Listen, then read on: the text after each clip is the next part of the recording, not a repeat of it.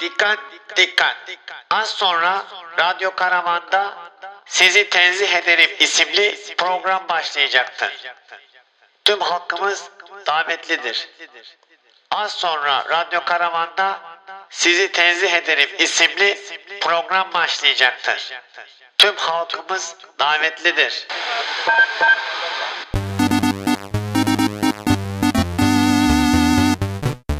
Sizi tenzih ederim.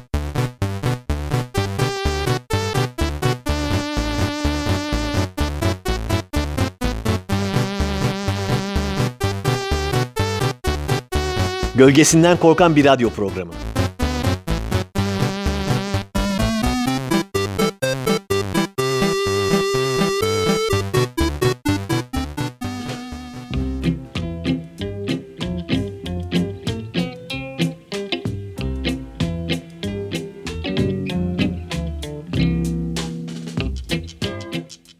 Merhaba sevgili Radyo Karavan dinleyenler. Nasılsınız inşallah? İyisiniz maşallah diyoruz ve 42. programımızı da açıyoruz. Bu programımıza da her zaman olduğu gibi sizden ayrı kaldığımız sürede yaşanan gelişmeleri sizlerle paylaşarak başlamak istiyoruz. Değerli dostlar, 25 kuruşluk market poşetleriyle asit yağmurlarına karşı koyduğumuz, evlerde müzik setinin kalmadığı, bilgisayarlardan bile CD player'ların kaldırıldığı 2019 dünyasında audio CD sattığımız, kırık kapaklı CD'lerin koleksiyon değeri taşıdığı için diğerlerinden daha değerli olduğuna kendimizi inandırmaya çalıştığımız, feci interaktif doğaçlama stand-up'larda yerlerde bağdaş kurduğumuz, feci interaktif ve doğaçlama olmayan stand-up'larda 4 saat sandalyede oturduğumuz için gözün uyuştuğu, maç bittiği halde gol yemeye devam ettiğimiz, 90 artı 3'ten sonra 2 gol yemeyi başardığımız, ne kadar yaz bitmedi, tatil bitmeyecek diye yırtınsak da sonbaharın suratımıza bir şamar gibi vurduğu günlerden geçtik. Zaten yazın bittiğini şuradan da anlayabiliriz. Her tarafta çekirge sürüsü gibi öğrenci var. Aslında öğrenciler olmasa okullar çok güzel. Otobüsler tıklım tıkış olduğu için o koca sırt çantalarıyla orta ve arka kapıdan biniyorlar. Sonra elden ele akbillerini uzatıyorlar. Akbil dediğim ulaşım kartı. O da ne büyük gerilimdir dostlar. Çok kalabalık diye arka kapıdan binersiniz. Kartı ileriye doğru gönderirsiniz. Sizinle beraber binen 10 kişi de aynı şekilde kartını gönderir. Sonra beklemeye başlarsınız. Acaba kart sağ salim geri gelecek mi? Kartı yanlışlıkla iki defa basarlar mı? Kartlar karışacak mı? Kart zamanında gelebilecek mi? Ulan iki durak sonra ineceğim kart hala gelmedi. Stresi yaşarsınız. Sadece bir durak gideceğim. Acaba kartı vermesem biri çıkıp da laf eder mi? Bunlar hep gerilim sebebi işte. Bu yeni kartlar da çok karışıyor gerçekten. Tamamen aynılar. Kartın numarasını ezberlemeniz ya da üstüne özel bir şey yapıştırmanız gerekiyor. Eskiden akbiller ne güzeldi. Rengarenkti. Herkesinki belli oluyordu. Hatta bazıları akbillerini 3 kiloluk anahtarlıklarına takarlardı. Akbil'in otobüs içindeki bu yolculuğuna ev anahtarı, apartman anahtarı, dükkanın anahtarı, düdük, çeşit çeşit alakasız oyuncaklar, anahtarlıklar gibi materyaller de eşlik ederdi. Ben bu stresi yaşamamak için asla arka ya da orta kapıdan otobüse binmem. Belki son durağa kadar gideceksem bir ihtimal binebilirim. Ama onda da biri çıkıp hayırdır birader sen niye göndermedin kartını? Bir akıllı sen misin? Derse basacağız herhalde be basacağız. Son durakta basacağım ben. Hem sana ne oluyor be? Sen otobüsün avukatı mısın? Yolarım seni çocuk diye rezalet çıkarırım. Bu okulların açılması da hep içimde bir huzursuzluk sebebidir. Yağmurlu kapalı hava, ıslanan çantalar, defterler, kitaplar, hırkalar, buharlanmış sınıf camları, üst üste asılmış montlar, paltolar, ö Vallahi düşününce midem bulandı. Zaten bir çocuk da hep ilk gün sınıfa kusar. Üzerine talaş döküp temizlemeye gelirler. Ben ilkokuldan hatırlıyorum. Talaşla kusmuk temizleme aktivitesini hep ilgiyle takip ederdim. Öğretmenimiz dersi anlatmaya devam ederken müstahdem kapıyı vurup girer. Bir elinde yıldızlı kürek, küreğin üstünde talaşlar, diğer elinde saplı faraş. Önce kürekle talaşı büyük bir ustalıkla yavaş yavaş döker. Biraz emmesini bekledikten sonra iki dakikada temizleyip giderdi. Sınıfta müstahdemi tanıyanlar Akif abi, Akif abi diye adama selam vermeye çalışırlardı. Öğretmen ders anlattığı için Akif abi hiç ciddiyetini bozmazdı. Akif abi ailesiyle birlikte bizim okulda kalıyordu. Acaba şimdilerde senelik 40 bin TL verilen okullarda bu işlem nasıl yapılıyor? Talaş ve kürek hala geçerliliğini koruyor mu? Ya daha açılışta bu muhabbet nereden çıktı şimdi diyorsanız da vallahi bilmiyorum dostlar. Ben yazmaya başlıyorum. Bir bakıyorum acayip yerlere gelmişim. Ben de anlamıyorum. Neyse ikinci sayfada bittiğine göre burada keseyim. Sizi tenzih ederim. Kürek ve talaşa saygı duruşuyla başlıyor. One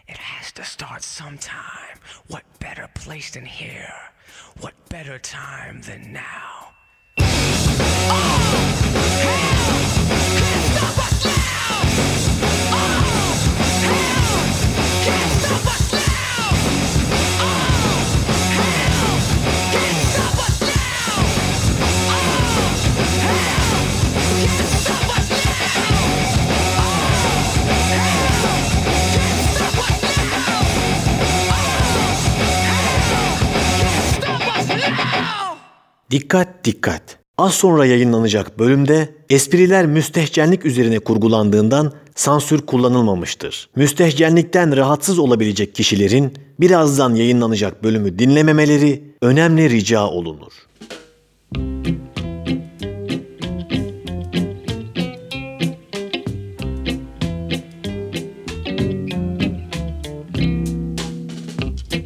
Şimdi size geçen hafta uğradığım mobbingi anlatacağım dostlar. Uzun yıllar özel sektörde çalıştım. Böylesi hiç başıma gelmemişti. Devlette rahat ederiz. Özel sektör adamı çok yıpratıyor dedik. Devlete geçtik. Ama dediğim gibi hayatımda böyle mobbing görmedim. Hatta eli arttırıyorum. Bu mobbing değil, bildiğiniz taciz ya. Geçen hafta iş yerinde yapmakta olduğum bazı işleri yapıp ilgili yerlere elektronik postayla gönderdim. İşlerim bittiği için de ayıptır söylemesi tuvalete gittim. Tuvalete giderken de telefonumu yanıma aldım. Çünkü ben tuvalette telefonumla oynarım dostlar.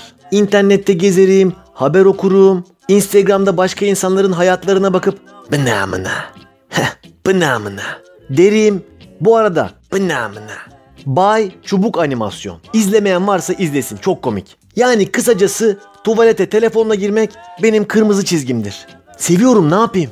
Ben tuvalette bir yandan işimi görüp bir yandan telefonla oynarken tuvaletin kapısının önünde Anıl, Anıl diye bir kadın sesi duydum.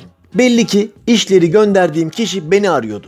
Herhalde görsellerde bir düzeltme olacak. Çıkınca hallederiz diye düşünüp işime kaldığım yerden devam ettim. Ama söz konusu şahıs durmuyordu. Bütün ofisi Anıl, Anıl diye inletiyordu. Tövbe tövbe dedim. Bunu dememle telefonum çaldı. Arayan oydu. Tabii ki açmadım. Benim tuvalette telefonla konuşacak kadar özgüven sahibi olmadığımı dikkatli dinleyicilerimiz bilir. Daha ilk programda anlatmıştım bu özelliğimi. Hatta özelliksizliğimi. Yalan söylemeyeyim belki de ikinci programdı. Neyse telefonu ısrarla aramaya devam etti. Ben de ısrarla açmamaya devam ettim. Sesler kesildi. Ben de vazgeçtiğini düşündüm. Ama yine tuvaletin önünden Anıl, Anıl, Anıl sesleriyle yanıldığımı anladım. Dedim bu manyak içeri girecek galiba. Kapıyı kırıp beni yaka paça bilgisayarın başına oturtacak. Sonra yok ya dedim. O kadar da demedik diye düşündüm. Ben böyle düşünürken tuvaletten içeri bir erkek arkadaş girdi. Anıl Bey, Anıl Bey diye adımı bağırmaya başladı. Daha fazla ölü taklidi yapamayacağımı anladım. Ve kızgın bir sesle içeriden efendim abi dedim. Erkek arkadaş Burcu Hanım seni arıyor dedi. Biliyorum abi. Telefondan da aradı dedim. Tuvaletteyim abi dedim. Sonra iyice sinirlenip Burcu Hanım'ın da duymasını ümit ederek tuvaletteyim abi sıçıyorum dedim. Ben bunu der demez benim tuvaletin yanındaki iki tuvaletten kahkaha sesleri yükselmeye başladı. Ben onları duyunca sinirim bozuldu. Ben de gülmeye başladım. Üç tane adam yan yana tuvaletlerde hem sıçıyor hem gülüyorduk. Sonra ben yan tarafta suratını görmediğim adamlarla dertleşmeye başladım. Tuvalette bile rahat yok abi görüyorsun değil mi olayı? İçeriye adam yollamış ya var mı böyle bir şey dedim. Diğer kabinlerden bana destek geldi. İşimi bitirip çıktım. Bilgisayarın başına geçtim. Bu sefer de az önce ne yaptığım çok belli olduğu için onun sıkıntısını yaşadım. Ellerim daha tam kurumadan çalışmaya başladım.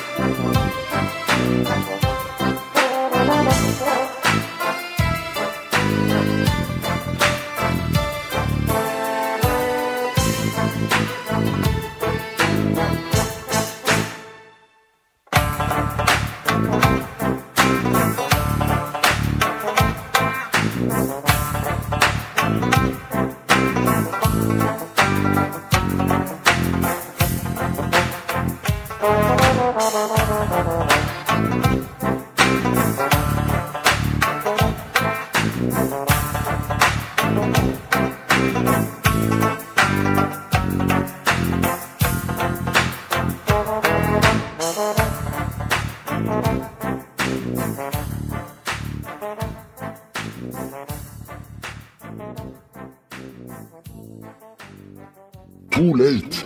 Too too late. Ah too late. Too too late. Gel yine sen beni ağırla. Gün aşırı annene de uğra. Gel yine sen beni ağırla. Gün aşırı annene de uğra. Anca beraber kanca beraber. Bizi başkası hiç çekmez yar. Anca beraber kanca beraber. Bir ömür hırgür geçmez yar. Gir kapıdan, gir bacadan gir. Alnıma karasın, elime kir. Şeytanı şerri kov da gel. Uzun etme, aklın yolu bir. Too late, too too late. Diyenlerin programı.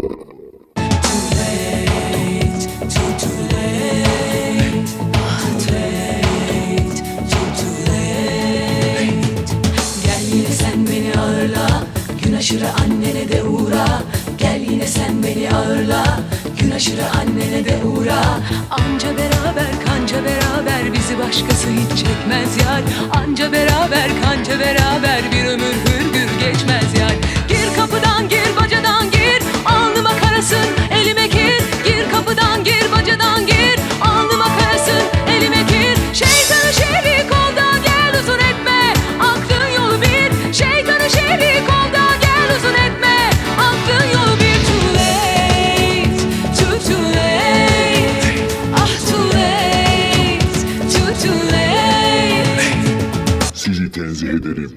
Devam ediyor.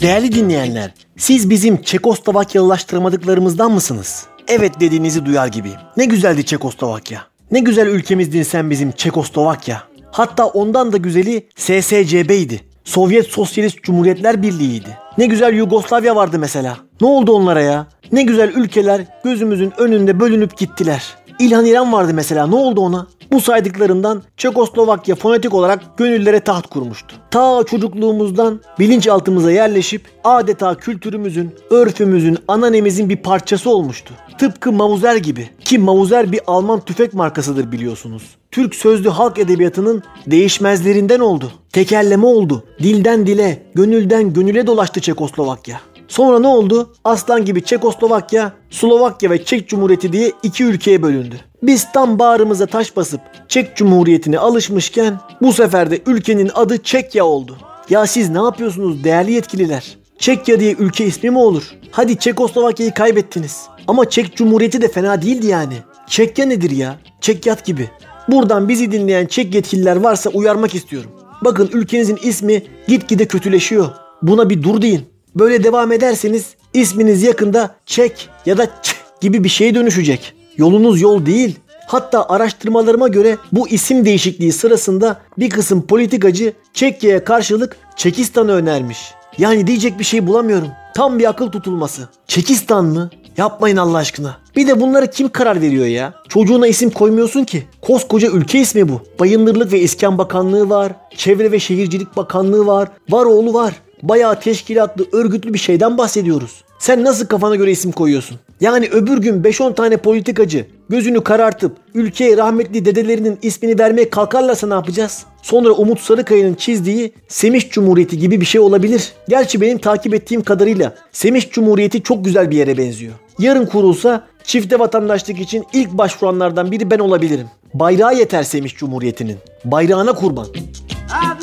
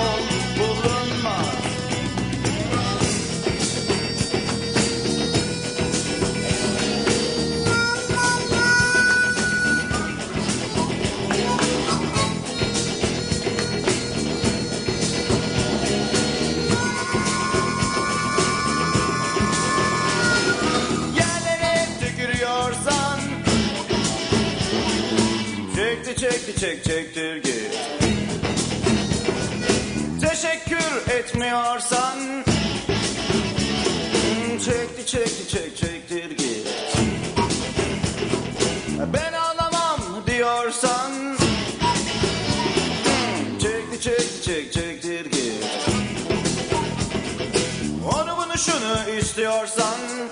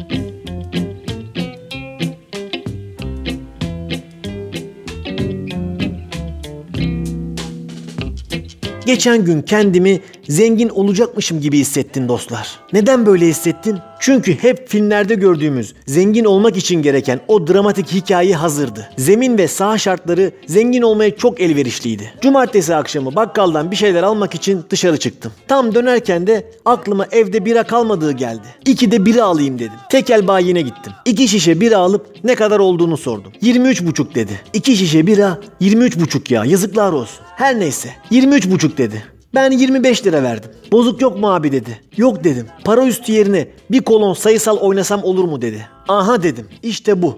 İşte bu bir işaret dedim. Ne zaman çekiliyor diye sordum. 10 dakika sonra dedi. Allah dedim. Oldu bu iş. İşte bu kaderdi. Hemen büyük ikramiyeyle neler yapacağımı düşünmeye başladım. Ve moralim bozuldu. Çünkü büyük ikramiye 1 milyon civarı bir şeydi. O da tek kişiye çıkarsa. Bir de bunun vergileri, kesintileri filan var. O ikramiye kuş kadar kalacaktı. Bir de artık 1 milyona Boğaz'da bir ev bile alınmıyor. Ben Boğaz'da bir ev alamadıktan sonra ne anladım o zenginlikten.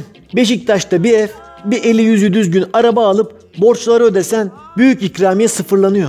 Yemişim öyle büyük ikramiyeyi. Orta ölçekli bir Kobi'nin ev kasasında duran para kadar büyük ikramiye mi olur? Bir de şimdi o parayı almak için Ankara'ya falan gitmem gerekecekti. Bir sürü yol.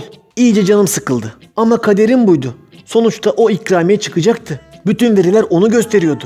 Başa gelen çekilecekti. Benim daldığımı gören tekel bayi bir kolon sayısal oynayayım mı abi diye soruyu tekrarladı. Oyna dedim. Acaba o da büyük ikramiyeden pay ister miydi? Ben söylemesem oynamayacaktın. Benim sayemde kazandın o parayı. Diye yolumu keser miydi? Olsundu. Artık onu da göze alacaktım. Kuponu elime alınca kazanacağıma olan inancım iyice arttı. Çünkü sayılar tam kazanan sayılardı. Kupon tam bir winner'dı. 11 vardı, 24, 25 vardı. Hep böyle arka arkaya olur ya. 49 vardı. Sayılar çok iyiydi yani. Kupon ve biraları alıp çıktım. Sonra yolda şunu düşündüm. Ulan eskiden bakkallar bozuk para olmadığı zaman sakız filan verirlerdi. Tekli sakızların ortadan kalkmasıyla beraber artık bakkaldan bir buçuk liraya alınacak bir şey kalmamıştı dostlar. Şu rezalete bakın ya. Olacak iş değil. Ben tam bunu düşünürken kendi kendimi çürüttüm. Su vardı lan su. Ama küçük suda 1 TL olduğundan 1,5 TL'yi karşılamıyordu. Yani adam bana 1,5 şişe su veremeyeceğinden mecburen bana kumar oynatmış. Günahıma girmişti. Hem su verse daha iyi olurmuş. Çünkü adamın oynadığı kupondan bir sayı bile tutmadı. En azından çekilişten sonra üstüne içerdim soğuk soğuk. Demem o ki sayısal filan oynamayın dostlar. Para tuzağı. Zaten şimdi özelleştirecekler filan bir sürü laflar dolanıyor. O çıkacağı varsa da bu sistemle size çıkmaz yani. İlla para kaybetmek istiyorsanız iddia oynayın. En azından bir spor müsabakası takip etmiş olursunuz. Spor, sağlık bunlar hep güzel şeyler çünkü.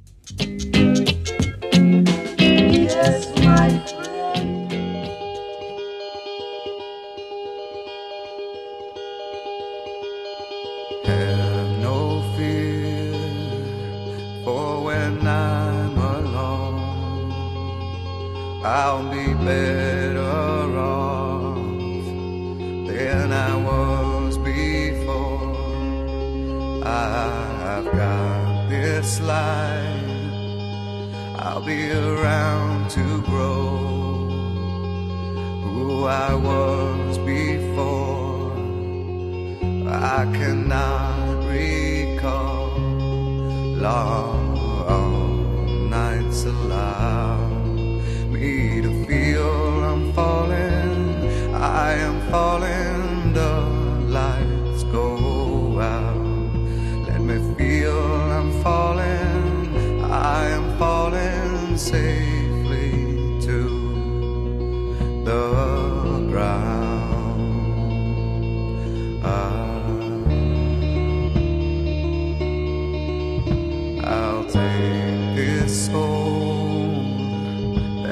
inside me now, like a brand new friend. I'll forever know I've got this life in the will to show. I will always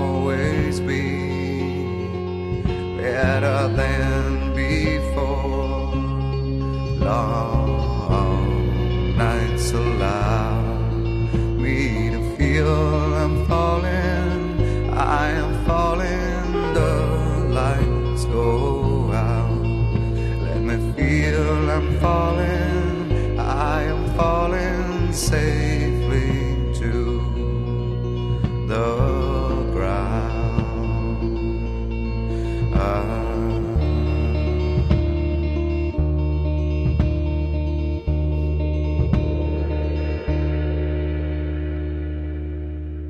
Derin, narin narin yarim. Suya düştü hayalim. Ne olacak şimdi halim? Derin, narin narin yarim. Derin, narin narin yarim. Suya düştü hayalim. Ne olacak şimdi halim? Derin, narin narin yarim. diyenlerin programı. Rinna rinna rin yarim Suya düştü hayalim Ne olacak şimdi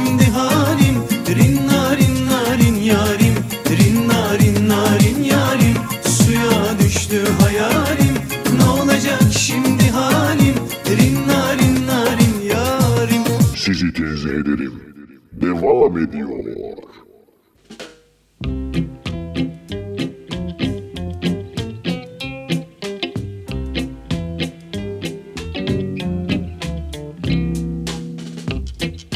Devir stalkerlık devri. İz sürme, sonuna kadar takip etme ve bulup ortaya çıkarma devri dostlar. Bu takipler çoğunlukla röntgen, özel hayat merakı, sapıklık ya da kıskançlık gibi nedenlerle gerçekleşiyor. Ama ben bundan 3-4 yıl önce hakkım olanı almak, gerçekleri ortaya çıkarmak, kısacası ekmek parası için stalkerlık yaptım. Bu amaçla internette iz süren ilk ve tek kişi de olabilirim. Çok iyi çalıştım ama. Tıpkı FBI gibi, CIA gibi ipuçlarını birleştirip amacıma öyle ulaştım. Anlatayım da dinleyin. Bundan yıllar önce dışarıya bir illüstrasyon işi yapıyordum. Çalıştığım firma bayağı büyük bir firmaydı. Ve genelde bu büyük firmalar fatura ile iş yapıyorlardı. Benim şirketim yoktu. O yüzden faturayı başka bir arkadaşımın şirketinden kestirip firmaya öyle yollatıyordum. Firmanın muhasebesi de takip eden ayın ödeme gününde parayı banka hesabıma yatırıyordu. Bu serbest çalışmanın en zor yanlarından biridir. İş yaptıktan sonra dilenci gibi paranızın peşinden koşarsınız. Siz defalarca hatırlatmadan da o ödemeyi asla yapmazlar. İnsanlığınızdan utanırsınız. Öyle bir süreçten bahsediyorum. Benim bu firmada muhatap olduğum bir kadın vardı. Son yaptığımız işin üstünden 3 ay geçmesine rağmen ödemem hala yapılmamıştı. Ben de en son telefonla muhatap olduğum kadını aramaya karar verdim. Kadın bana muhasebeyi aramamı söyledi. Muhasebeyi aradım. Ellerine böyle bir fatura geçmediğini söylediler. Allah Allah dedim. Tekrar kadını aradım. Yo ben bütün faturaları muhasebeye verdim dedi. Siz bana gönderdiğinizden emin misiniz dedi. Eminim dedim. Çünkü şimdiye kadarki bütün faturaları hangi adrese ve kime gönderdiysek onu da aynen öncekiler gibi gönderdik dedim. Vallahi ben bana gelen bütün faturaları muhasebeye iletiyorum.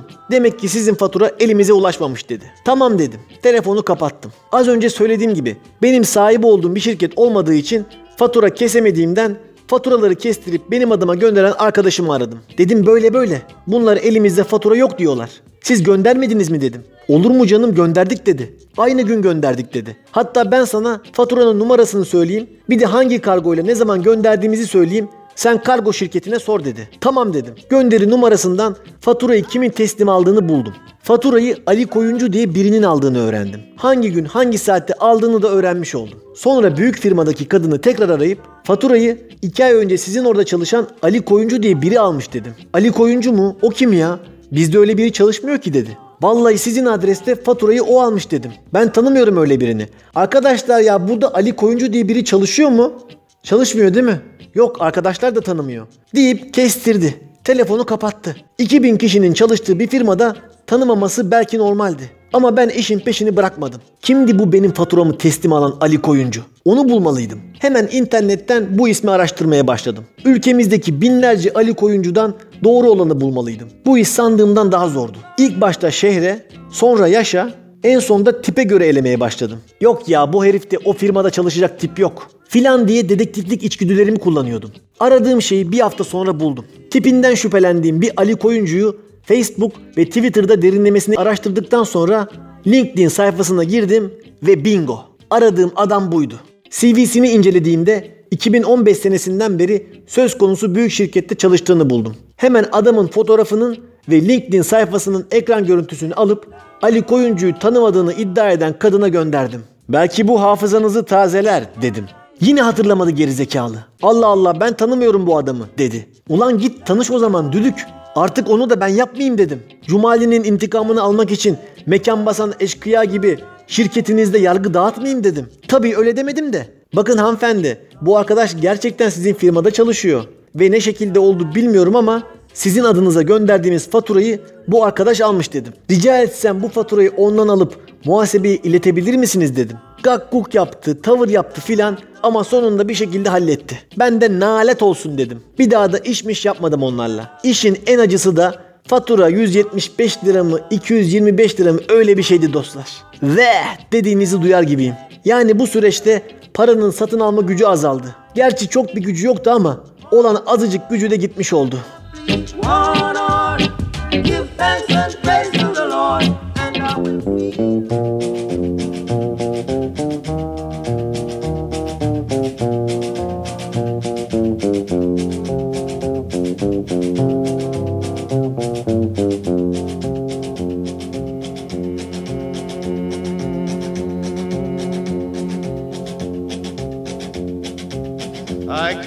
close watch on this heart of mine. I keep my eyes wide open all the time. I keep the ends out for the tie that binds. Because you're mine, I walk the line.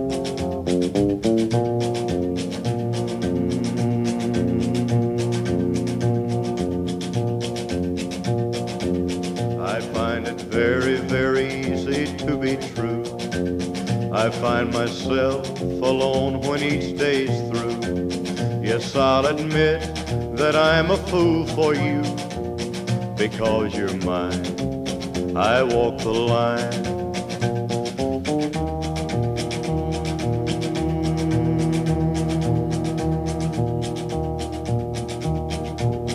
As sure as night is dark and day is light, I keep you on my mind both day and night. And happiness I've known proves that it's right because you're mine. I walk the line.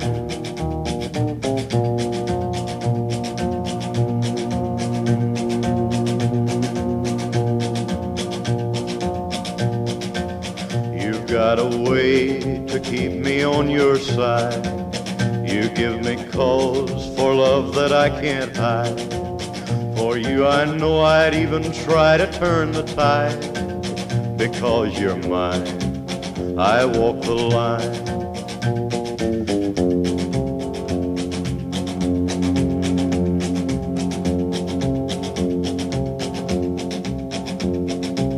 I keep a close watch on this heart of mine. I keep my eyes wide open all the time. I keep the ends out for the tie that binds. Because you're mine, I walk the line.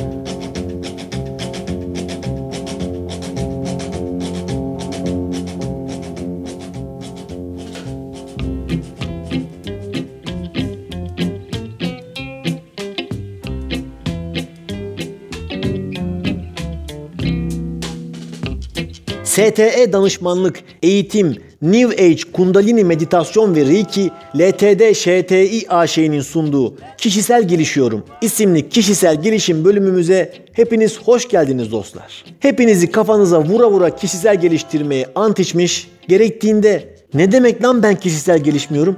Eşeğim gibi gelişeceksin diye dinleyicisini tehdit etmekten geri durmayan bu bölümümüzde ne yapıyorsak sizin iyiliğiniz için yapıyoruz dostlar. Siz daha mutlu olun. Hayattan keyif alın diye gece gündüz çalışıyoruz. Tabiri caizse k***'ımızı yırtıyoruz. Aranızdan bir kişinin bile çakraları açılsa dünyalar bizim olur. En azından o deniz yıldızı Patrick'in hayatı kurtulmuş olur. Mutlu oluruz. Mutlu olmak demişken de bugünkü konumuza geçmek istiyoruz.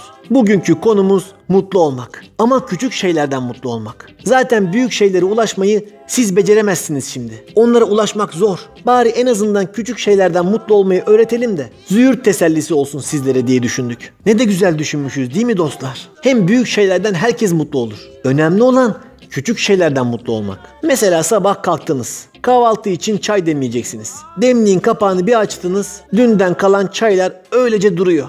Ne oldu?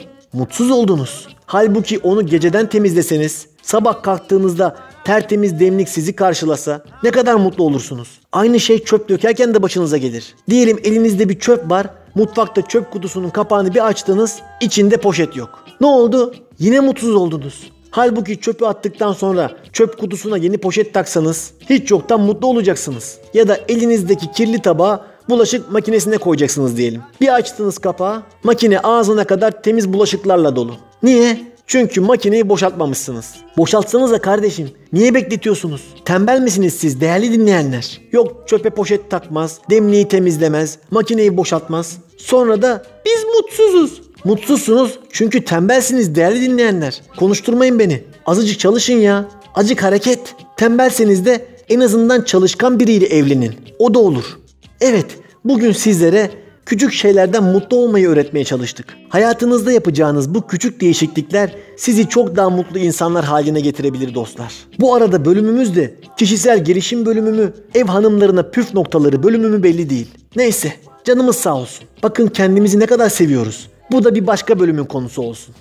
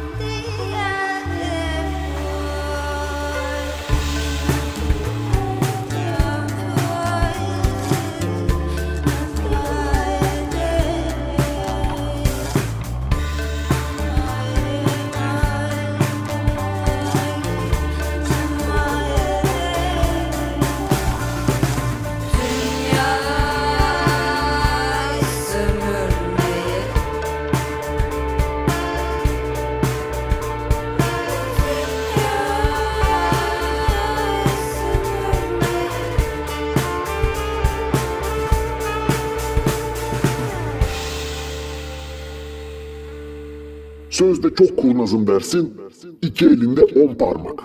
Oysa sen bir hikayesin. Marifet desen tam taka tak. Karga demiş gak guk gak, tilki demiş peyniri bırak. Nerede durak orada bırak. Olacaksın tepe taklak. Hep yazıldın ona buna. Hepsinden de karneni aldın.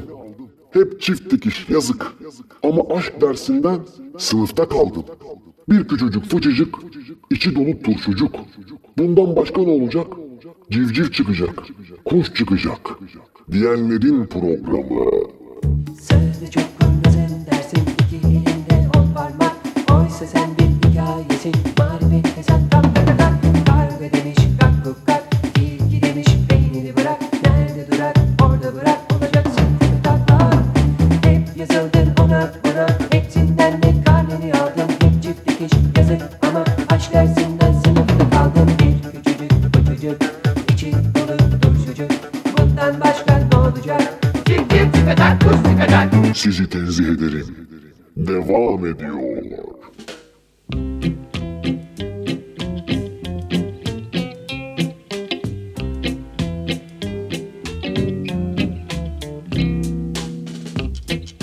Yıllar önce televizyonda bir bilgi yarışma programı izliyorum. Kim 500 milyar ister yarışmasına benziyor. Sunucu soru soruyor. Karşıdaki 4 seçenek arasından doğru olanı seçmeye çalışıyor. Bununla beraber zaman geçmesi için de yarışmacıdan seçenekler hakkında yorum yapması, sesli düşünmesi, akıl yürütmesi isteniyor. Bu sayede 10 saniyede cevap verilebilecek sorular 5 dakika boyunca ekranda kalıyor. Adamın biri katıldı yarışmaya, kendini tanıttı. Konuşmasından ve anlattığı özgeçmişten akademisyen olmadığı anlaşıldı. Bildiğin yurdum insanıydı. Sonra sorulara geçtiler. İlk 2-3 soru Türkiye'nin başkenti neresidir tadında sorulardı. Sonra hayat memat meselesi cümlesindeki mematın anlamı nedir diye bir soru geldi. Adam ölüm şıkkını seçti. Bu seçeneğin doğru olduğu ortaya çıkınca seyirciler alkışlamaya başladı. Sonra konsept gereği yarışma süresi uzasın diye adam Memat'ın ölüm anlamına geldiğini nereden bildiğini anlatmaya başladı. Kurtlar Vadisi dizisini çok sevdiğini, orada Memati diye bir karakterin olduğunu, Memati'yi de çok sevdiğini, o dizinin bir bölümünde Memati'nin adının ölümden geldiğini söylediğini filan 10 saat anlattı. Görevini başarıyla tamamladı. Sonra diğer soruya geçildi. Sonraki soru prematüre kelimesinin neyle ilgili olduğuydu. Adam biraz düşündükten sonra doğum şıkkını seçerek yine doğru cevabı vermiş oldu. Ve süreyi uzatmak için nasıl doğru cevabı verdiğini anlatmaya başladı. Prematüreyi daha önce hiç duymamıştım. Ama maturenin anne demek olduğunu biliyordum dedi. Stüdyoda kısa bir sessizlik oldu. Ulan sen maturenin anne demek olduğunu nereden biliyorsun acaba? Lisede etimoloji dersi görmediysen ki görmemişsindir. Matureyi nereden biliyorsun acaba? Niye kendini bu kadar açık ediyorsun acaba? Adam bunu dedikten sonra yüzünde anlamsız bir gülümseme oluştu. Aynı gülümseme yarışma sunucusunda ve erkek izleyicilerde de oluştu. Tıpkı bizi dinleyen erkek dinleyicilerde de muhtemelen oluşacağı gibi. İzlemekte olduğunuz programda hadi çocuklar 78 milyon tek yürek gibi ifadeler kullanılıyorsa muhtemelen hangisini izliyorsunuz? A. Evlilik programı B. Spor karşılaşması C. Çizgi film D. Belgesel Çizgi filmdir herhalde ya değil mi? Evlilik olmaz, spor karşılaşması olmaz, belgesel. Belgesel çok saçma. C çizgi film son karar.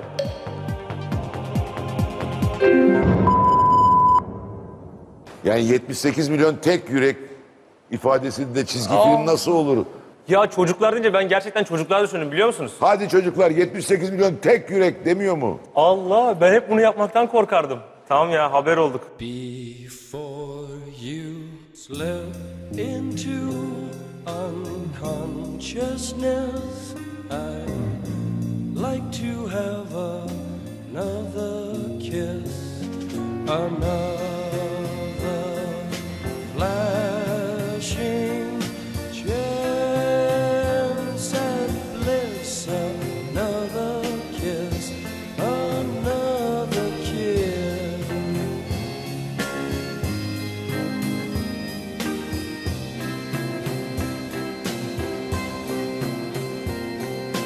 days are bright and filled with pain. Enclose me in your gentle rain. The time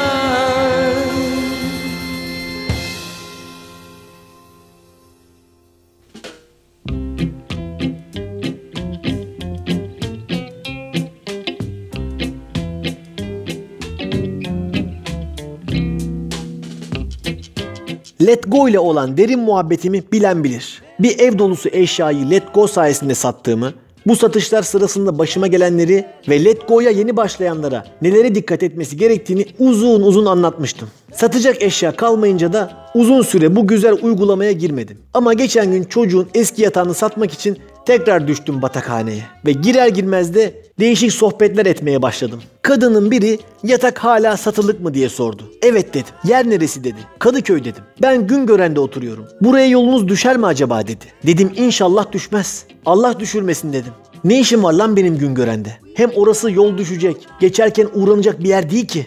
Oraya gitmek için bildiğin mücadele etmek, bedel ödemek lazım. Bir de bunu yatağa sırtlamış bir halde yaptığınızı düşünün. Maalesef hanımefendi dedim. Kapattım mevzuyu. Let go tam bir dipsiz kuyu dostlar. Canı sıkılan varsa ısrarla tavsiye ediyorum. Bir şey alıp satmayacaksanız bile mutlaka muhabbete girin. Pişman olmazsınız. Give thanks and praise to the Lord, and I will feel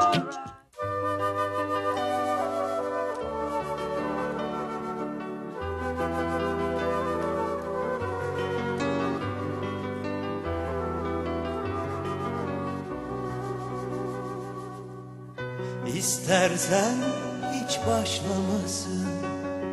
Bu hikaye eksik kalsın. Onca yaraların ardından Yeni bir aşk yaratamazsın. Yeni bir aşk yaratamazsın. İstersen hiç başlamasın bu hikaye eksik kalsın Onca yaraların ardından Yeni bir aşk yaratamazsın. Yeni bir aşk yaratamazsın. Örselenmiş bir çocukluk İşte benim bütün hikayem Kaç sevda geçse de yüreğimden Bu yıkıntıları onaramazsın. İstersen hiç başlamasın. Geç kalmışız birbirimize. Yanlış kapılarla geçmiş bunca yıl Dönemeyiz artık ilk gençliğimize İstersen hiç başlamasın. İstersen hiç başlamasın. Söz verelim kendimize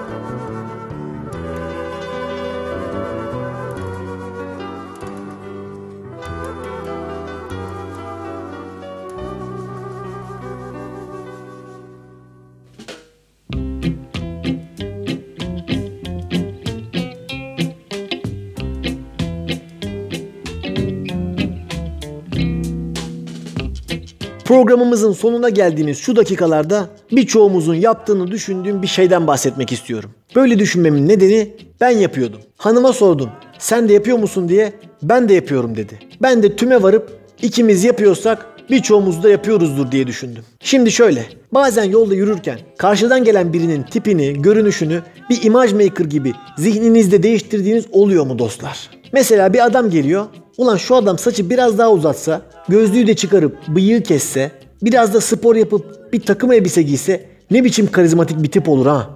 Ya da bir kadın için şu kadın saçını siyaha boyatıp üstten toplasa, o iğrenç tişört yerine askılı güzel bir bluz giyse, omzuna cool bir dövme yaptırsa, altına da bir kot çekse çok daha güzel biri olur gibi şeyler düşünüyor musunuz? Bunları sadece 2 saniye için aklınıza getirip sonra tekrar unutuyor musunuz? Ve bunları defalarca hiç tanımadığınız insanlar için yapıyor musunuz? Eğer cevabınız evetse siz önce kendinize bakın dostlar. Milleti kafanızdan değiştirmeye çalışacağınıza önce aynaya bakıp kendinizi değiştirin.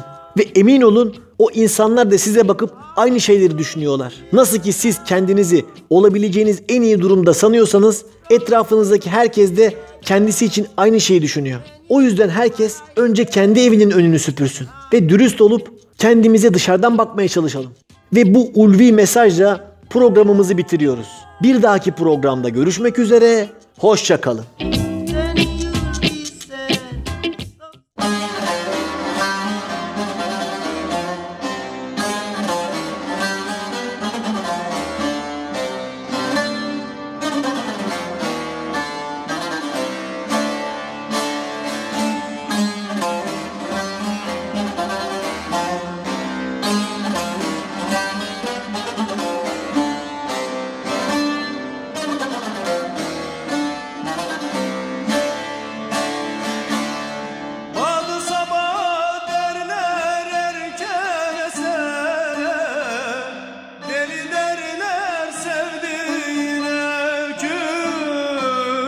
sene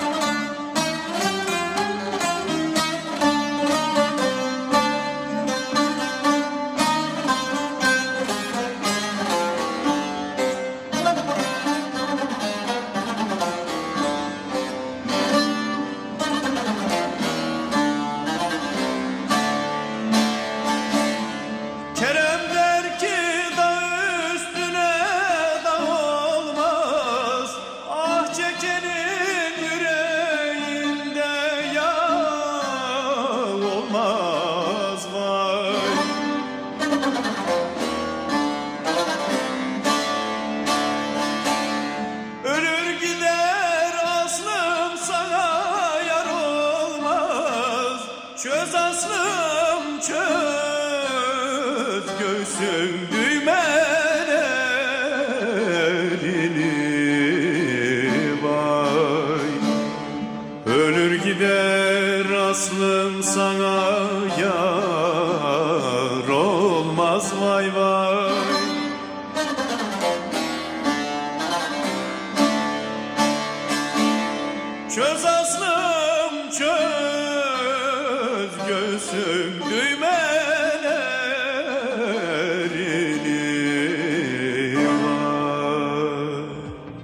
Kesilmiş döner için kullanılan ifade hangisi olur?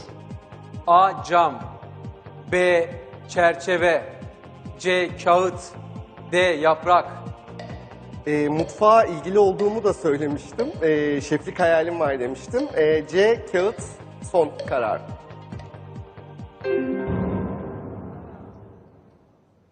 Yaprak döner.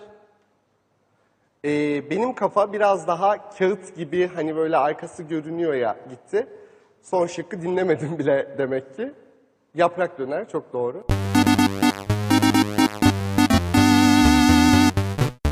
Sizi tenzih ederim.